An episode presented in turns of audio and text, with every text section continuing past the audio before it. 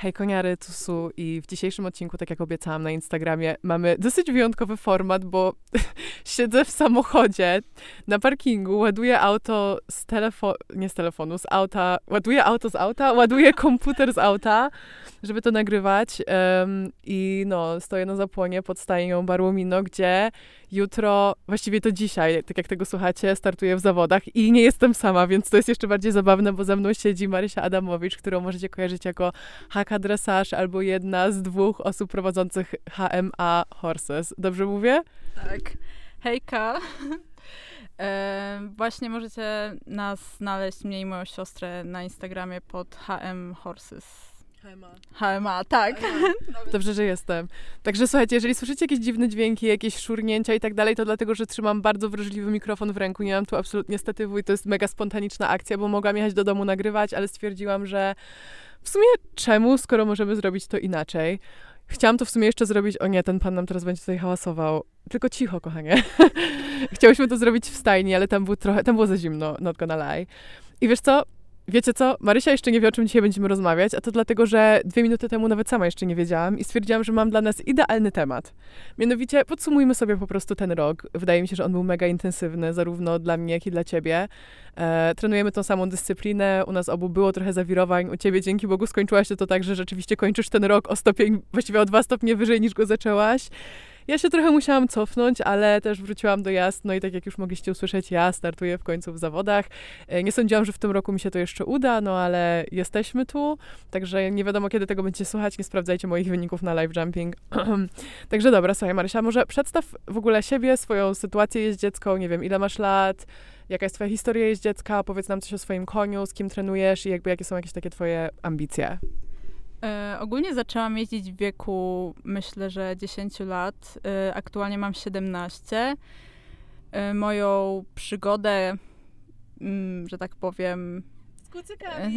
tak, z kucykami. E, nie, ale serio jeździłaś na kucykach, czy nie? Nie, akurat nigdy, niestety, bardzo nad tym ubolewam, nie jeździłam na kucykach. Za moim pierwszym koniem był koń 1,70 m w kłębie, więc do kucyków się niestety nie zaliczał.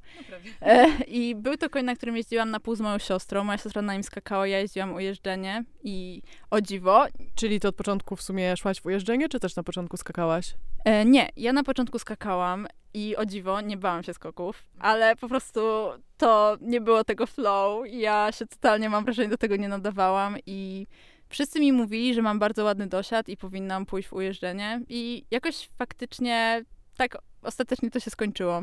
Więc ujeżdżenie jeżdżę myślę tak od czterech lat. Mm, na ten moment mam już konia tak stricte ujeżdżeniowego Kaleba, zwanego też kebabem.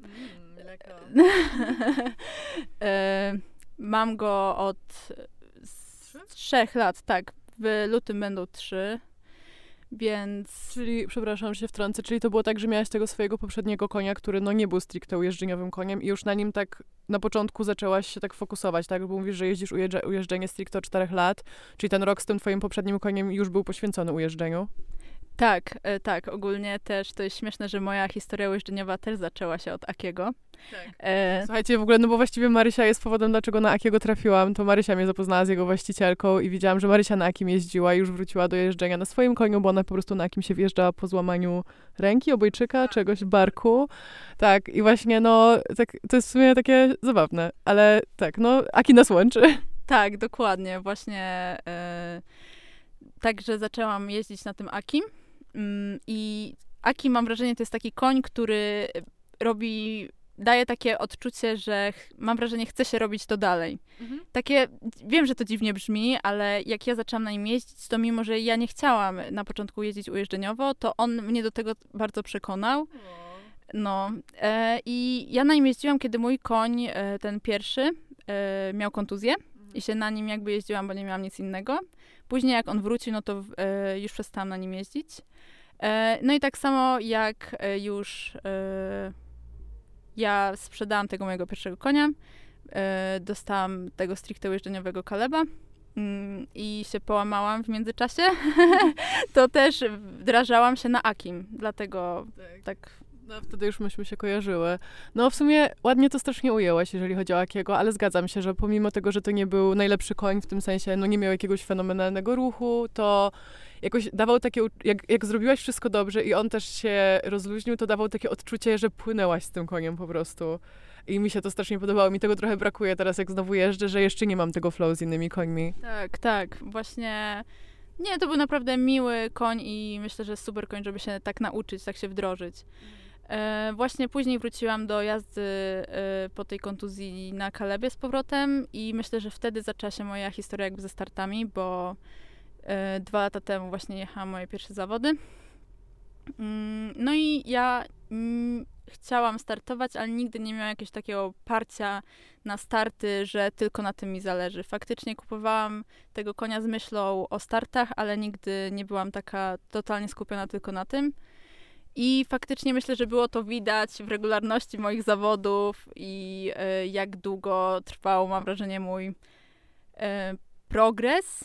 Mm. I dopiero w tym roku tak naprawdę zaczęłam się tak naprawdę spinać. Okej. Okay. W sumie ciekawe, że o tym wspomniałaś, bo chyba trochę też możemy nawiązać do tego, co już było powiedziane w poprzednich odcinkach tego podcastu, a tak jak powiedziałaś, słuchałaś ich. I myślę, że dużym takim właśnie wątkiem jest e, szukanie takiej gotowości w swojej głowie na różne rzeczy, a z drugiej strony ostatni odcinek był też o trenerach i wydaje mi się, że akurat w twoim przypadku też tak jakby to dobranie trenera było mega istotne, bo miałaś przez ostatnie chyba dwa lata no super trenerkę, która też cię bardzo dużo nauczyła i widać było ten progres u ciebie, ale z drugiej strony e, pomimo tego, że no jakby nie rozstałeś się z nią z jakichś tam właśnie powodów niedopasowania, tylko raczej było to stajnią spowodowane, to teraz widać taki trochę shift w twoim mindsetie, bo miałaś trenera sędziego, a teraz masz trenera zawodnika. Czy uważasz, jakby jaką widzisz różnicę? Bo w sumie to jest pytanie, które też zadałam w ostatnim odcinku i trochę nikt mi do końca na to nie odpowiedział. Jakbyś ty mogła powiedzieć, um, jaka jest według ciebie różnica między trenerem sędzią, a trenerem zawodnikiem? Ogólnie myślę, że różnica jest bardzo duża, bo przede wszystkim e, z moją poprzednią trenerką, która jest świetnym sędzią, e, bardzo, bardzo czułam do niej ogromny respekt, takie e, inne spojrzenie. Bardzo e, taką aurę. Wiem, że to mm. dziwnie brzmi, ale jest to taka aura, takie sędziowie mają bardzo specyficzny... Ja mam to samo z panią tak. Marleną, że ja po prostu jakoś tak, właśnie, że z jednej strony mam do niej mega szacunek, co nie znaczy, że nie jestem w stanie jej niczego powiedzieć, ale jakoś tak wręcz Wiem, że to może dziwnie zabrzmieć, ale w pewnym sensie trochę się jej bardziej boję nawet. Że jakby to nie jest taki strach, taki negatywny, tylko taki właśnie trochę z respektu wynikający, że co ja w sumie mogę jej powiedzieć, jeżeli ona jest czterogwiazdkowym sędzią międzynarodowym i sędziowała Jessica von Brirow-Wendel, to co ja jej mogę powiedzieć? No naprawdę, szczerze mówiąc, ja zaczęłam jeździć z moją trenerką e, poprzednią w wieku 14 lat, więc mi się wydaje, że nie byłam trochę na to dojrzała. Miałam... Mm, bardzo się też jej bałam na początku, że bałam się cokolwiek powiedzieć, moje odczucia. Ja też jeździłam wtedy no, bardzo przeciętnie. E, byłam bardzo mało doświadczonym miejscem i miałam młodego konia, więc e, nie, jakby długo mam wrażenie, nie było widać w naszej parze jakiegokolwiek, nie wiem. Zgrania? Tak, zgrania, potencjału. I też mam wrażenie, że e, nie byłam, nie byłam jakby takim nie byliśmy parą y, taką do startu w tamtym momencie i faktycznie y, faktycznie teraz jakby bardzo się zmieniliśmy, więc y, może też miałabym inne odczucia, jakbym zaczęła jeździć z tamtą trenerką w tym momencie, mm. ale na ten moment mam właśnie trenera zawodnika i y, jeżdżę, dwa miesiące temu zmieniłam trenera. Mm. I na ten moment jeździ mi się super. Jestem zachwycona. Przede wszystkim pierwszy raz w życiu e, ktoś wsiada na mojego konia, jak mam problem, albo nawet jak nie mam problemu, żeby go nauczyć nowych rzeczy, żeby mu pokazać nowe rzeczy. Przepraszam, ale to twoja poprzednia trenerka nigdy nie wsiadała na twojego konia? E, wsiadała, szczególnie jak byłam połamana. Mm, to wtedy, w tamtym okresie, to były cztery miesiące na niego tam wsiadała. Ale jak ja już wróciłam do jazdy, to bardzo rzadko, bardzo sporadycznie. Czyli ty jednak jesteś fanką tego podejścia, że twój trener razem z tobą jeździ konia, tak? Tak, zdecydowanie. Ja czułam mega, mega, mega dużą różnicę, kiedy jeździłam z trenerką na pół. Kiedy przestałam jeździć z trenerką na pół, to widziałam, że jest gorzej. Czułam, że jest gorzej. E, a teraz, jak znowu jeżdżę z trenerem na pół, to naprawdę dawno przez ten cały rok nie zrobiłam takiego skoku jakby w przód. Zgadzam się. O, dziękuję. A czy jesteś w stanie jeszcze jakoś skomentować krótko ten taki aspekt mentalny właśnie na przykład trenera sędziego versus trenera y, zawodnika, w sensie na przykład czy oni jakoś inaczej podchodzą właśnie do startów, do ambicji, mówię o twoich startach i twojej ambicji, czy jakoś inaczej wyglądają te rozmowy i planowanie twojego rozwoju jeździeckiego? W sensie zdecydowanie, bo ze względu na to, że no, moja poprzednia trenerka była sędzią, to bardzo często wyjeżdżała i tak naprawdę moje plany, mi się wydaje, były mniej istotne niż jakieś, wiadomo, No, no tak, ogromne zawody, więc bardzo często jakieś zawody nam wypadały, bardzo często nie, jakby ja nie chciałam jeździć na zawody bez trenera. E, I no właśnie teraz widzę, że jak na przykład jest trener jest zawodnikiem, to też często startuje na jakichś innych koniach, więc tych zawodów jest dużo więcej, na które możemy jechać. A co do podejścia mentalnego, to troszkę ciężko mi powiedzieć, bo dopiero jutro mam pierwszy start z nowym trenerem. Mm. Jestem bardzo ciekawa i pierwszy raz tak naprawdę jadę, tak naprawdę, że się cieszę z tego, że jadę. Super. Że tak naprawdę pierwszy raz w życiu, no bo mam wrażenie, że jak ma się trenera sędziego, chce mu się zaimponować bardzo mocno. W sensie ja przynajmniej tak miałam, że chciałam pokazać, że jestem jakby warta tej uwagi, warta tego, że, e, że naprawdę jesteśmy parą, która może coś osiągnąć, że, że nie traci czasu trenując nas, bo jednak no jakby dużo ludzi chce trenować z, e, z trenerem, sędzią. Jest ich mało. No, w naszym województwie, w sumie w całej Polsce są tylko takie dwie jak one chyba. E, także no, to jest prawda akurat, że one mają takie znane imiona i każdy chciałby się do nich jakoś tam dobić, a nie jest to takie proste, więc rozumiem o co chodzi może z tym poczuciem presji. Ale też myślę, że jakby totalnie byłaś warta tej, tego jej czasu i myślę, że dużo się tam nauczyłaś i wiesz, to widać i nawet widziałam jeszcze przed odejściem yy, właśnie i zmianą stajni, że też tam zaczęłaś robić bardzo duży progres, więc być może to właśnie też zależało od ciebie do tego, że ty dojrzałaś w swoim ciele i w swojej głowie. Ale mega trzymam kciuki za jutro, bo pamiętam, jakie były starty w zeszłym roku, jak jeszcze razem jeździłyśmy. E, a jutro Marysia debiutuje, w sensie no teoretycznie jak słuchacie tego w dzień premiery, to dzisiaj Marysia debiutuje w C1 z P-klasy. Enkę totalnie ominęła, także to jest mega duży sukces i dosłownie rozmawiałyśmy o tym chyba już półtorej roku. Także jaram się w sumie bardziej, w sumie chciałam powiedzieć, że jaram się bardziej niż moim startem, ale ja się moim startem nie jaram jeszcze. Bo słuchajcie, w ogóle możecie się zastanawiać, jak to się stało, że Su startuje. Um, kurwa, nie wiem. Nagle mam konia, to znaczy, to jest troszeczkę skomplikowana sytuacja, ponieważ ja chciałam pomóc mojej znajomej, która po prostu musi pilnie sprzedać konia przez tam problemy y, takie prywatne. I y, ja gdzieś tam ją już dłużej znałam, ona też zawsze była dla mnie taka bardzo przyjazna, ja tego konia też znałam, ona stała w boksie obok mnie na moich pierwszych ever zawodach, także miałam jakiś taki sentyment i Po prostu jak zobaczyłam, że gdzieś tam no, ona nie ma tyle czasu, żeby się tej sprzedaży dobrze poświęcić, to ja zaproponowałam, że ja mogę ją wziąć pod swoje skrzydła, w sensie nie pod moją jazdę, żeby nie było, tylko ja mogę ją wziąć, ja mogę ją utrzymywać. E, ja zatrudnię do niej Berajtera, co już zrobiłam, no i po prostu ją, znajdę jej dobry dom. E, gdzieś tam też, żeby właśnie był priorytet na to, żeby był dobrze dobrany właściciel, ponieważ ta klacz jest bardzo specyficzna, jest gorąca, jest super wrażliwa i jakby bardzo potrzebuje takiego, takiej bazy zaufania ze swoim człowiekiem. No jak każde zwierzę, ale ona po prostu szczególnie. No i w sumie to jak na nią, w sensie zabrałam temperaturę, on na nią wsiadł, to wyglądało spoko. Ja się tego konia absolutnie bałam. Ja na niej siedziałam wcześniej raz w życiu w kwietniu i ona mnie poniosła. E, nie powinnam, w sensie nie wiem, no chyba robię trochę teraz antyreklamę, mówiąc o tym, że chcę ją sprzedać, ale no gonna lie, e, to było trochę, no, takie nieprzyjemne przeżycie, ale to też była stricte moja wina, bo tak jak powiedziałam, to jest taki typowy, wiecie, taka typowa klacz ujeżdżeniowa, gorąco pod kopułą, a ja wsiadłam prosto po Akim i się po prostu zacisnęłam w tym siodle i chciałam tak mocno ją pojechać, jak, no, byłam przyzwyczajona. I ona po prostu została szału pode mną, nie? No i ja teraz, jak ją dwa tygodnie temu w sumie zabraliśmy z BM Horsa, to e, jeździł mój writer, mój kolega i e, ja byłam taka, dobra, to ja wsiądę i zobaczę, bo byłam taka, hmm, w sumie mogłabym na niej topę przejechać, żeby ostatnie oczko do klasy sportowej zabrać. I ja wsiadłam na nią następnie i się trząsłam ze strachu. I on mnie musiał wziąć na loże i jeździłam na nie całe 5 minut. Potem w ogóle nie jeździłam, bo tylko on wsiadał. I przyniosłam ją do stajni bliżej mojego domu i bliżej jego domu, żeby nam było łatwiej się nią zajmować. I po prostu w zeszłą sobotę pierwszy raz na nią wsiadłam, a dzisiaj, czyli jakby po tego, ja na niej siedziałam 4 albo 5 razy. Ja, która potrzebuje zazwyczaj 3 miesiące, żeby się w ogóle wczuć w konia i Marysia robi na mnie wielkie oczy. Chcesz coś powiedzieć? No, jestem w szoku. Ja nie wiem, czy mi się podjęła pojechania zawodów na koniu, którym jeździłam tak mało. Ja byłam po prostu zdesperowana. Nie, ale serio, ja w ogóle na nią wsiadłam i słuchajcie, ona na mnie zrobiła jakieś takie dobre wrażenie, że no nie jest to zupełnie mój typ konia, bo to jest właśnie, tak jak powiedziałam, typ konia taki po prostu wrażliwy bardzo. Ja jestem no, amatorem takiej przez duże A, początkującą osobą, szczególnie, że w tym roku miałam długą przerwę, no i te moje mięśnie są w mega słabej kondycji, więc byłam taka, o kurde, no dobra, no to e, na pewno nie będzie mi łatwo, a z drugiej strony jakoś tak ona się starała, ona była ze mną po prostu cierpliwa, no nie? I tak sobie jeździłam i byłam taka, okej, okay, ona jest serio mega jezdna, jak ja nie merdam jej za bardzo ręką w pysku i tam wszystko robię dobrze, to i idzie. No i na przykład przyznam się wam do czegoś i tobie, Marysia.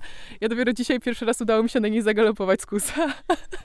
Jakby okej, okay, w sensie nie ukrywam, że to brzmi bardzo podobnie jak moja historia z Kalebem Czyli? na początku, bo ja też kupiłam konia. Ja dostałam od rodziców tam e, wiadomość, że mogę sobie znaleźć konia tam w jakimś budżecie i mi zależało, żeby to był koń dobrze ruszający się. Mhm.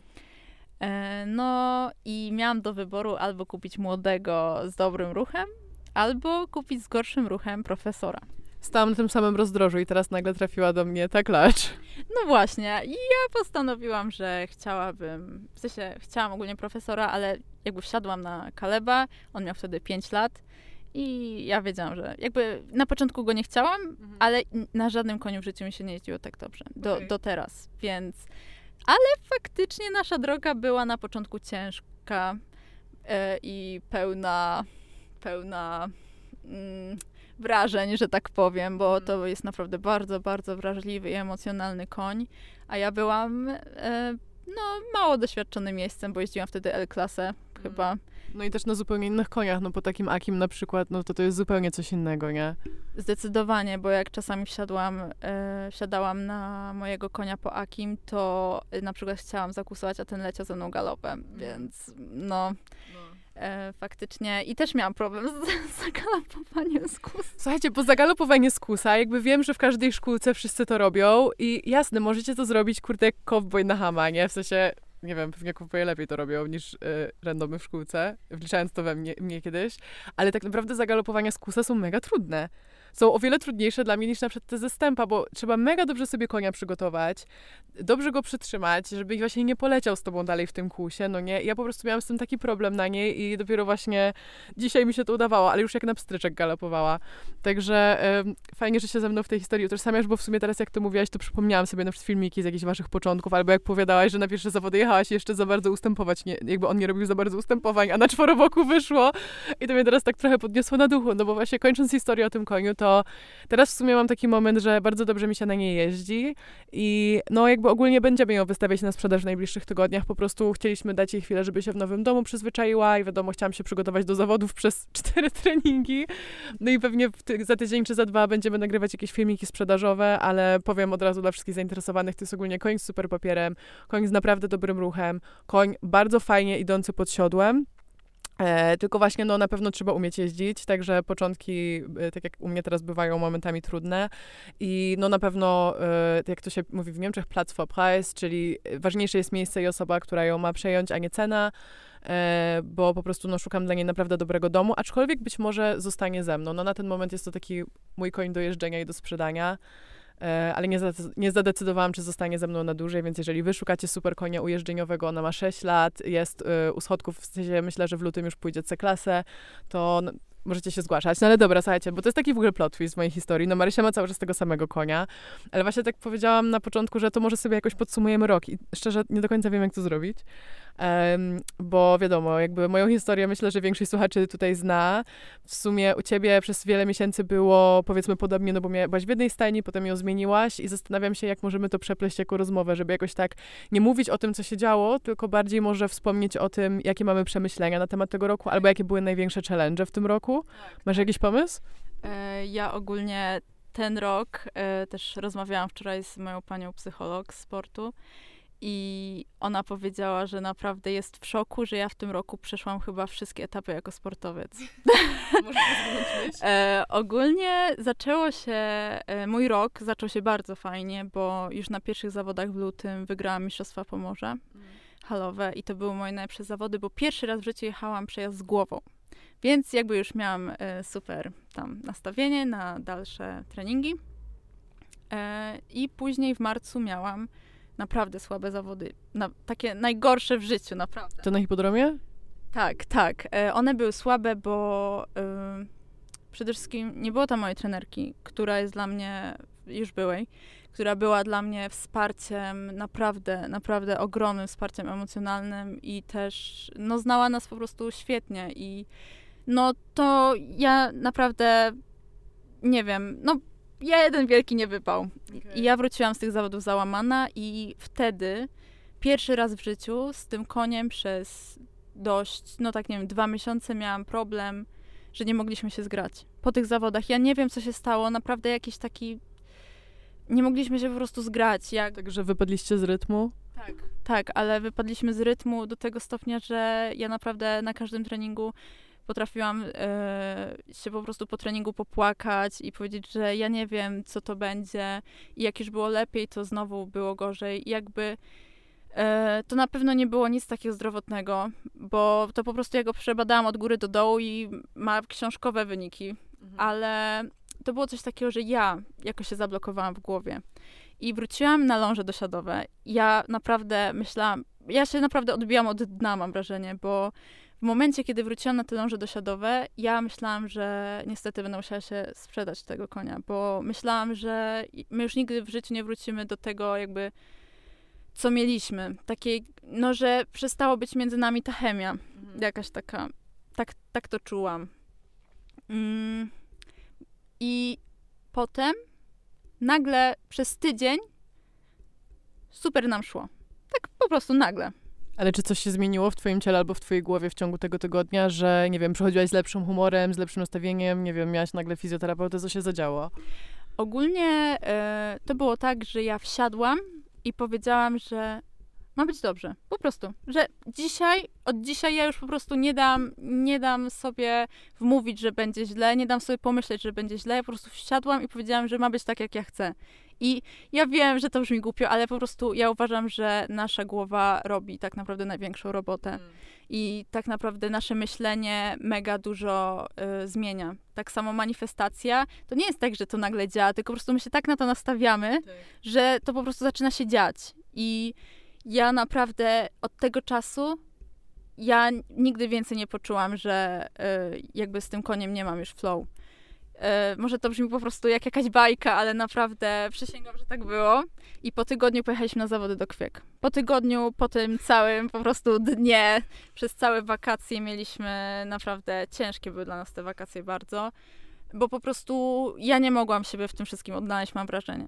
Mm, W sumie fajnie, że to powiedziałaś, bo też w sumie, tak w ostatnich odcinkach dużo mówiliśmy o takich fizycznych aspektach dbania o siebie i tak jak powiedziałaś, myślę, że niektóre osoby mogą to odebrać jako takie siubździu magiczne, no nie, że zaraz jeszcze zaczniemy do wróżki dzwonić. Ostatnio zamówiłam wróżkę dla konia. Dowiedziałam się, kim koń był w poprzednim wcieleniu. O Jezus. Nie, serio. Ale jakby uważam, jak, ja się z tym totalnie zgadzam, bo z manifestacją jest trochę tak, że ja nie wierzę w to, że siadasz i myślisz, oh my god, I want a million dollars i jutro budzisz się i masz a million dollars i Caroline Derpieński, które ci je wręcza.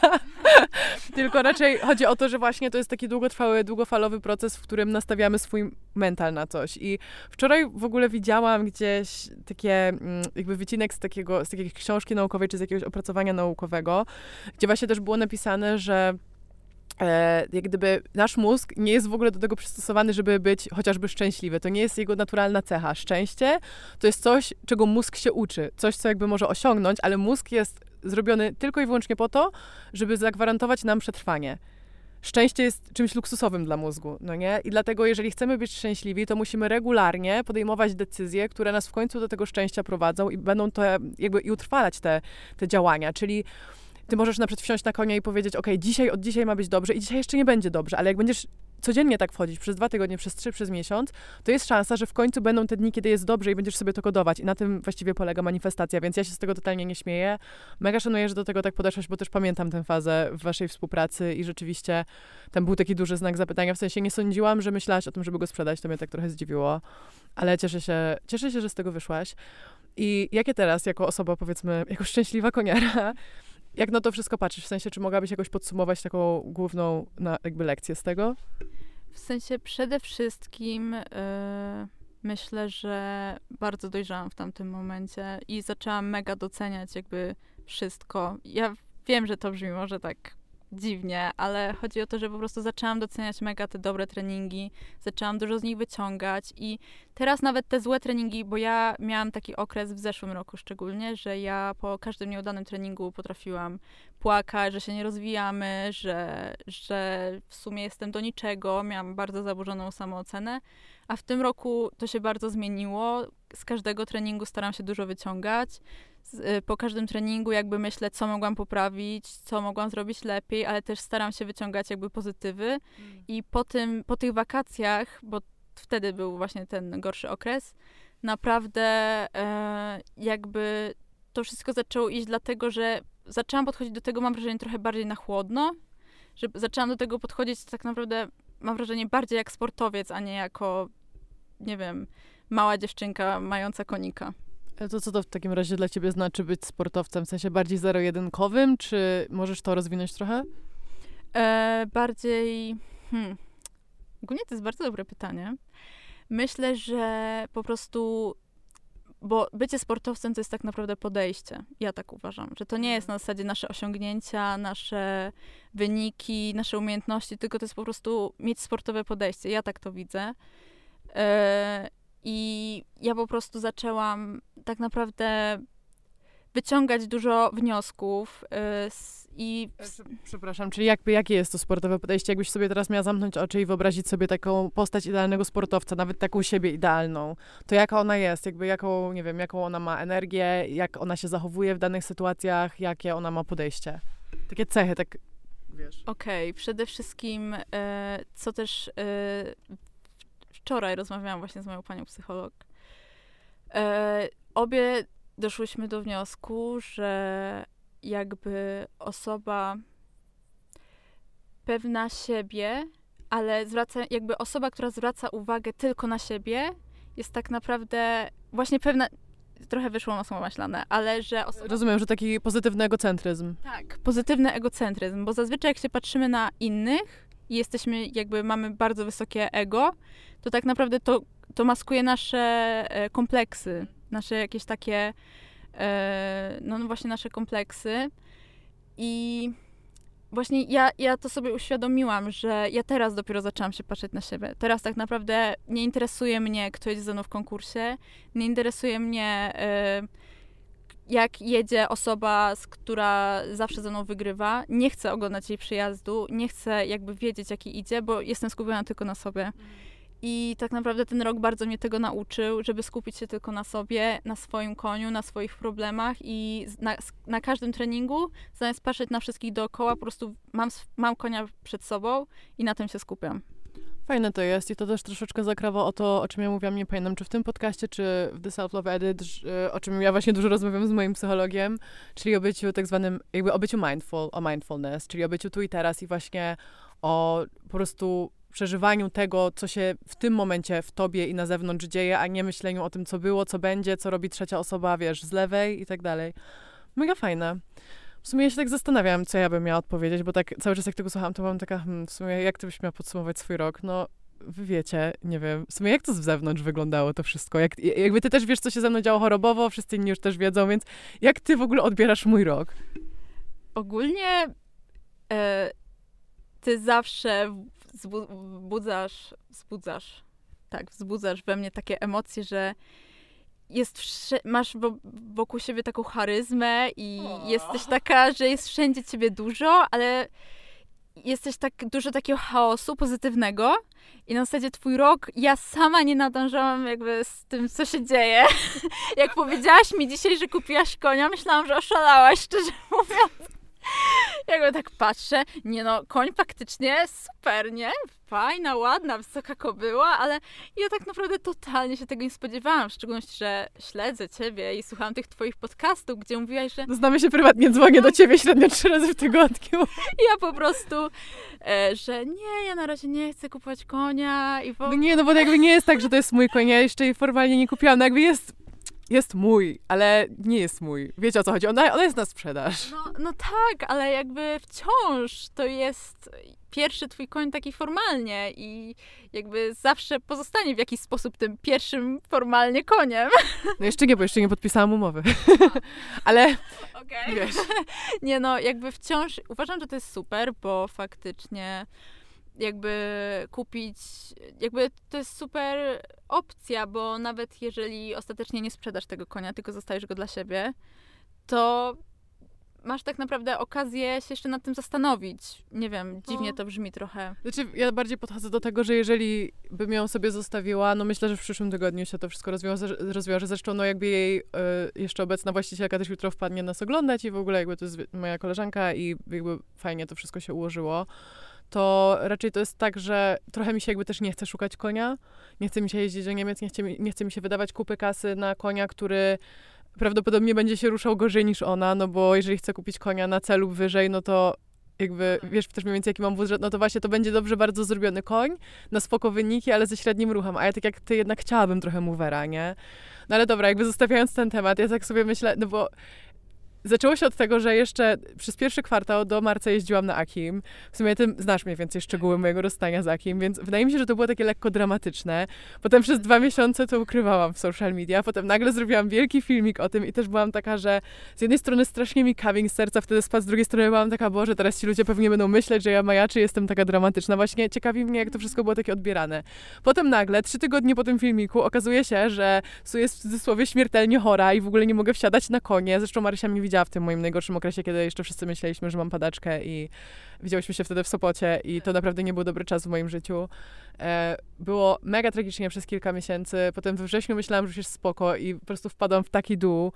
I jakoś tak dopiero od drugiej połowy października tak naprawdę stanęłam na nogi, więc mam nadzieję, mam wrażenie, że ten rok jakby w mojej głowie on był ogólnie bardzo negatywny. Ten, te pierwsze trzy miesiące były spoko, ale właśnie przez to też, że mam wrażenie, że w pewnym sensie wycofałam się trochę z internetu, na pewno wiesz, nie dodawałam tyle vlogów i tak dalej, tylko rzucałam jakieś tam losowe komunikaty, to właśnie ciekawiło mnie, jak to wygląda z perspektywy osoby z boku, czy em, jak gdyby właśnie wyczuwasz, powiedziałeś, że jakby wokół mnie jest dużo pozytywnego chaosu, ale czy nie masz wrażenia, że w tym roku wokół mnie właśnie było dużo takich niejasności, takiego negatywnego chaosu? E, w sensie to prawda, ale ja też, też powiedziałaś, że masz wrażenie, że ten rok był bardziej negatywny, ale ja uważam, mam, żyję w takim przekonaniu, że zawsze naprawdę po najgorszych momentach w naszym życiu wychodzą te najlepsze. Jak widać.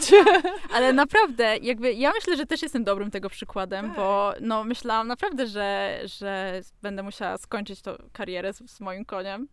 E, miałam nadzieję bardzo, że nie, ale już przychodziły mi takie myśli przez, e, do głowy, jak już wspom- Mm. wspominałam.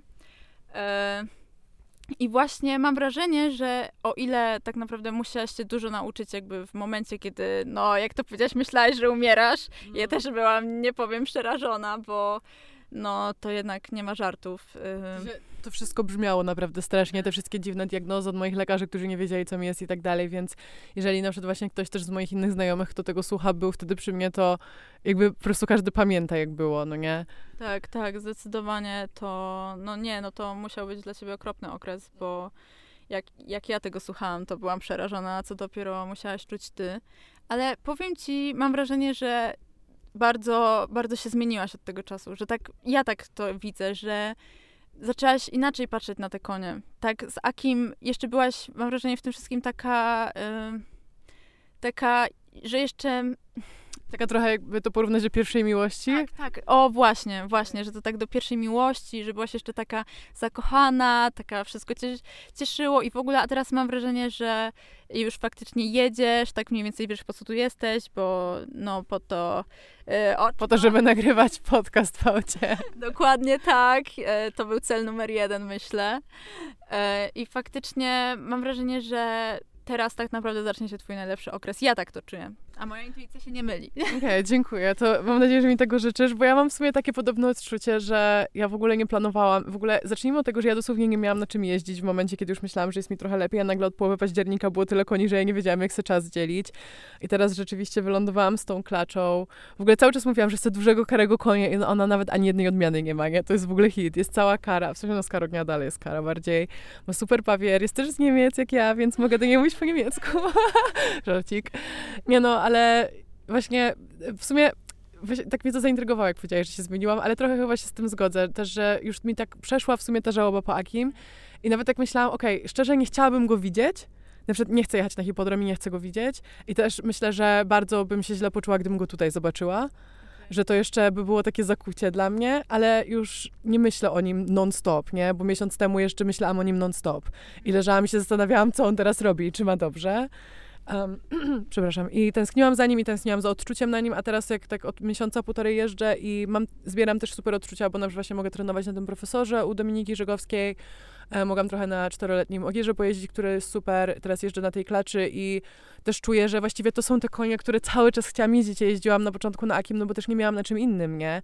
No ale ja wiedziałam, że chcę w ujeżdżenia i teraz jakby jeżdżę na prawdziwych ujeżdżeniowych, w cudzysłowie, furach i to jest ten moment, w którym ja czuję, jak dużo ja się uczę. I też jak dużo w sumie się nauczyłam, tylko może nie potrafiłam tego tak wykorzystywać. Więc no, zgodzę się z tym, co powiedziałaś, że jest potencjał na to, żeby teraz był taki bardzo interesujący czas i też taki trochę w nurcie tego, co ty wcześniej o sobie powiedziałaś, że taki bardziej trochę, że podejdę do tego jak właśnie jak sportowiec, tak bardziej na chłodno, nie? Że jednak ja trochę nie szukam chyba, w sensie nie wiem też jak nasi słuchacze to odbiorą, bo wydaje mi się, że fajnie jest mieć takiego swojego hard horse i wiesz, jakby mieć taką dużą miłość z dziecką i w ogóle, sensie taką konną, ale ja chyba na ten moment trochę nie szukam takiego swojego konia na całe życie. Tak. Tak, w sensie faktycznie Kaleb nie miał być moim koniem e, na długo. Chciałam na nim pojechać tak naprawdę P-klasę i docelowo go sprzedać. Tak? tak, w sensie uważam, że to jest koń naprawdę z dużym potencjałem. No jest, jest. Ale w tamtym momencie jakoś tak tego nie widziałam. Ja wiem, że to brzmi dziwnie, bo jakby to było wiadomo od początku, ale po prostu ja jakoś nie widziałam go w roli konia C-klasowego i jestem tak naprawdę później do tego dojrzałam, mam wrażenie. Wiem, że to dziwnie brzmi. Ale... No nie, no ale przepraszam, się wtrącę, to też jest ta różnica, że wiesz, ty jak go kupiłaś, to nie wiem, miałaś 14 lat, nie? Ja mówię to wszystko jako dorosła osoba no i ty też się bardzo zmieniasz jako osoba w tym czasie, nie? To też prawda, ale wiesz co, mam wrażenie, że właśnie te najlepsze konie, tak samo jest z ludźmi. Zawsze spotykamy ich y, przypadkiem. Mm. Tak samo, no Akiego też spotkałeś przypadkiem. No. Tak naprawdę. Y, I faktycznie mi się wydaje, że jakby jest coś takiego, że się wsiada i się wie jakby nie każdy w to wierzy, ale no niektóre rzeczy się wypracuje, wiadomo, ale to pierwsze odczucie dla mnie jest bardzo ważne. Okej. Okay. Myślę, że w sumie możemy tutaj postawić kropkę. Zapytam tylko, jakie masz takie, jakie masz nastawienie na przyszły rok? Co manifestujesz na przyszły rok? Co byś chciała spełnić? No, nastawienie mam świetne. Myślę, że to będzie mój najlepszy rok przyszły, 2024, bo to jest mój ostatni rok juniorski, a skoro, no mam nadzieję, że skoro już teraz jadę debiut w C, to by mi się udało załapać na jakieś faktycznie duże juniorskie zawody, w sensie typu Mistrzostwa Polski. Okej, okay, no to Marysiu, trzymamy wszyscy na pewno za ciebie kciuki. Jeszcze nie wiem, jaki mam cel, więc wam tego nie zdradzę, ale my się jeszcze będziemy słyszeć tak, że wam powiem. I w sumie tak trochę motywacyjnie na koniec tego odcinka, tego w nurcie, chciałam powiedzieć, że no nie wiem, dostaję też od was właśnie na przykład dzisiaj rano, chyba o siódmej odpowiadałam na taką wiadomość na Insta, że no, czy masz jakąś radę, jak to zrobić, żeby trenować na prywatnych koniach, takie, które w ogóle nie są wystawione ani na sprzedaż, ani do dzierżawy, ani właściwie do lekcji, no bo ja w sumie miałam dużo, powiedzmy, farta, że ja tak robię, nie, że ludzie mnie na swoje konie wsadzają. No nie ukrywam, że to mnie zazwyczaj kosztuje 250-300 zł za trening, więc no to jest dużo, e, ale no to jest cena, którą ja byłam gotowa zapłacić, żeby po prostu wsiąść na dobrego konia i czegoś się nauczyć. E, i wiecie co? Jakby odpowiedź na to i na też różne inne pytania, które was mogą nurtować, jeżeli czujecie się czasami tacy trochę down and miserable, jest taka, że jakby świat nie jest taki, um, jaki wam się do końca wydaje. W sensie świat jest taki, jacy wy jesteście. Ja, jakby nie jest taki, jakim wy przyjmujecie, że jest. To jest tylko wasz filtr. Nie wiem, czy to ma sens w, taki, w takich słowach, tylko każdy te same rzeczy odbiera trochę inaczej. Przez filtr własnych doświadczeń, przez filtr jakichś tam własnych takich mm, nie wiem, zachowań, ograniczeń i tak dalej, jeżeli będziecie sobie po prostu wmawiać, że coś nie przystoi, coś jest niemożliwe, to tak też dla was będzie. A z drugiej strony potem ja idę i dzwonię do, nie wiem, znajomej, która ma duży ośrodek i wcale się dobrze nie znam i mówię, ej, wsadzisz mnie na swojego konia do małej rundy? I ona, no dobra, to wpadaj, nie? Więc jakby to nie jest tak, że ja mam jakąś przewagę, bo nie wiem, bo jestem popularna albo coś takiego w ogóle, bo ja to samo robię od trzech lat, kiedy jeszcze nikt, powiedzmy, w tym jeździectwie od tej strony influencerskiej mojego imienia nie znał. Wiadomo, że ja też od wielu lat jestem przedsiębiorcą i być może dla mnie pewne rzeczy wydają się już oczywiste. Ja po prostu czegoś chcę i ja po to chwytam, nie? W sensie idę, pytam, namawiam, negocjuję, ale może to jest lekcja, którą możecie ode mnie wyciągnąć właśnie, żeby po prostu zastanowić się, czego potrzebujecie, ładnie sformułować to, a nie jakoś tak, bo przepraszam, czasami niektórzy ludzie piszą do mnie tak bezczelne rzeczy i chyba sami nawet nie wiedzą, jak to brzmi tak roszczeniowo. I po prostu próbować to dla siebie zdobyć. Nie ma chyba lepszej rady, w sensie sama bym ją chciała czasami usłyszeć, jak się zapominam i to jest chyba taki klucz do wszystkiego, co robię, że po prostu jak czegoś chcę, to szukam drogi i to robię, nawet jeżeli po prostu czasami się wstydzę albo się boję. I życzę wam, żeby no, końcówka tego roku właśnie pod tym hasłem przebiegła i żeby wasz przyszły rok był równie owocny jak ten Marysi i mój. Także dziękuję wam bardzo. Pamiętajcie, żeby polubić ten podcast, w sensie dać mu recenzję i byłoby mi bardzo, bardzo, bardzo miło, jakbyście ten odcinek albo jakikolwiek inny odcinek komuś wysłali. Komu wyślesz odcinek? Mamie. O, pozdrawiamy mamę. Myślałam, że powiesz Zuzi, ale Zuzi ja mogę wysłać. pozdrawiamy team z Barłomina. Znaczy, powiedziałam to, jakbym do niego na należała. No nie należę, ale maybe one day. No oczywiście, miejmy nadzieję. To jest honorowe miejsce. um, dobra, słuchajcie, życzę wam bardzo miłego weekendu. E, do słyszenia w przyszłym tygodniu w piątek i trzymajcie kciuki za moje starty, bo no tam jest jeszcze bardzo, bardzo dużo niedopracowanych rzeczy. Po prostu ja chcę mieć mój punkt do licencji. Pa! Pa!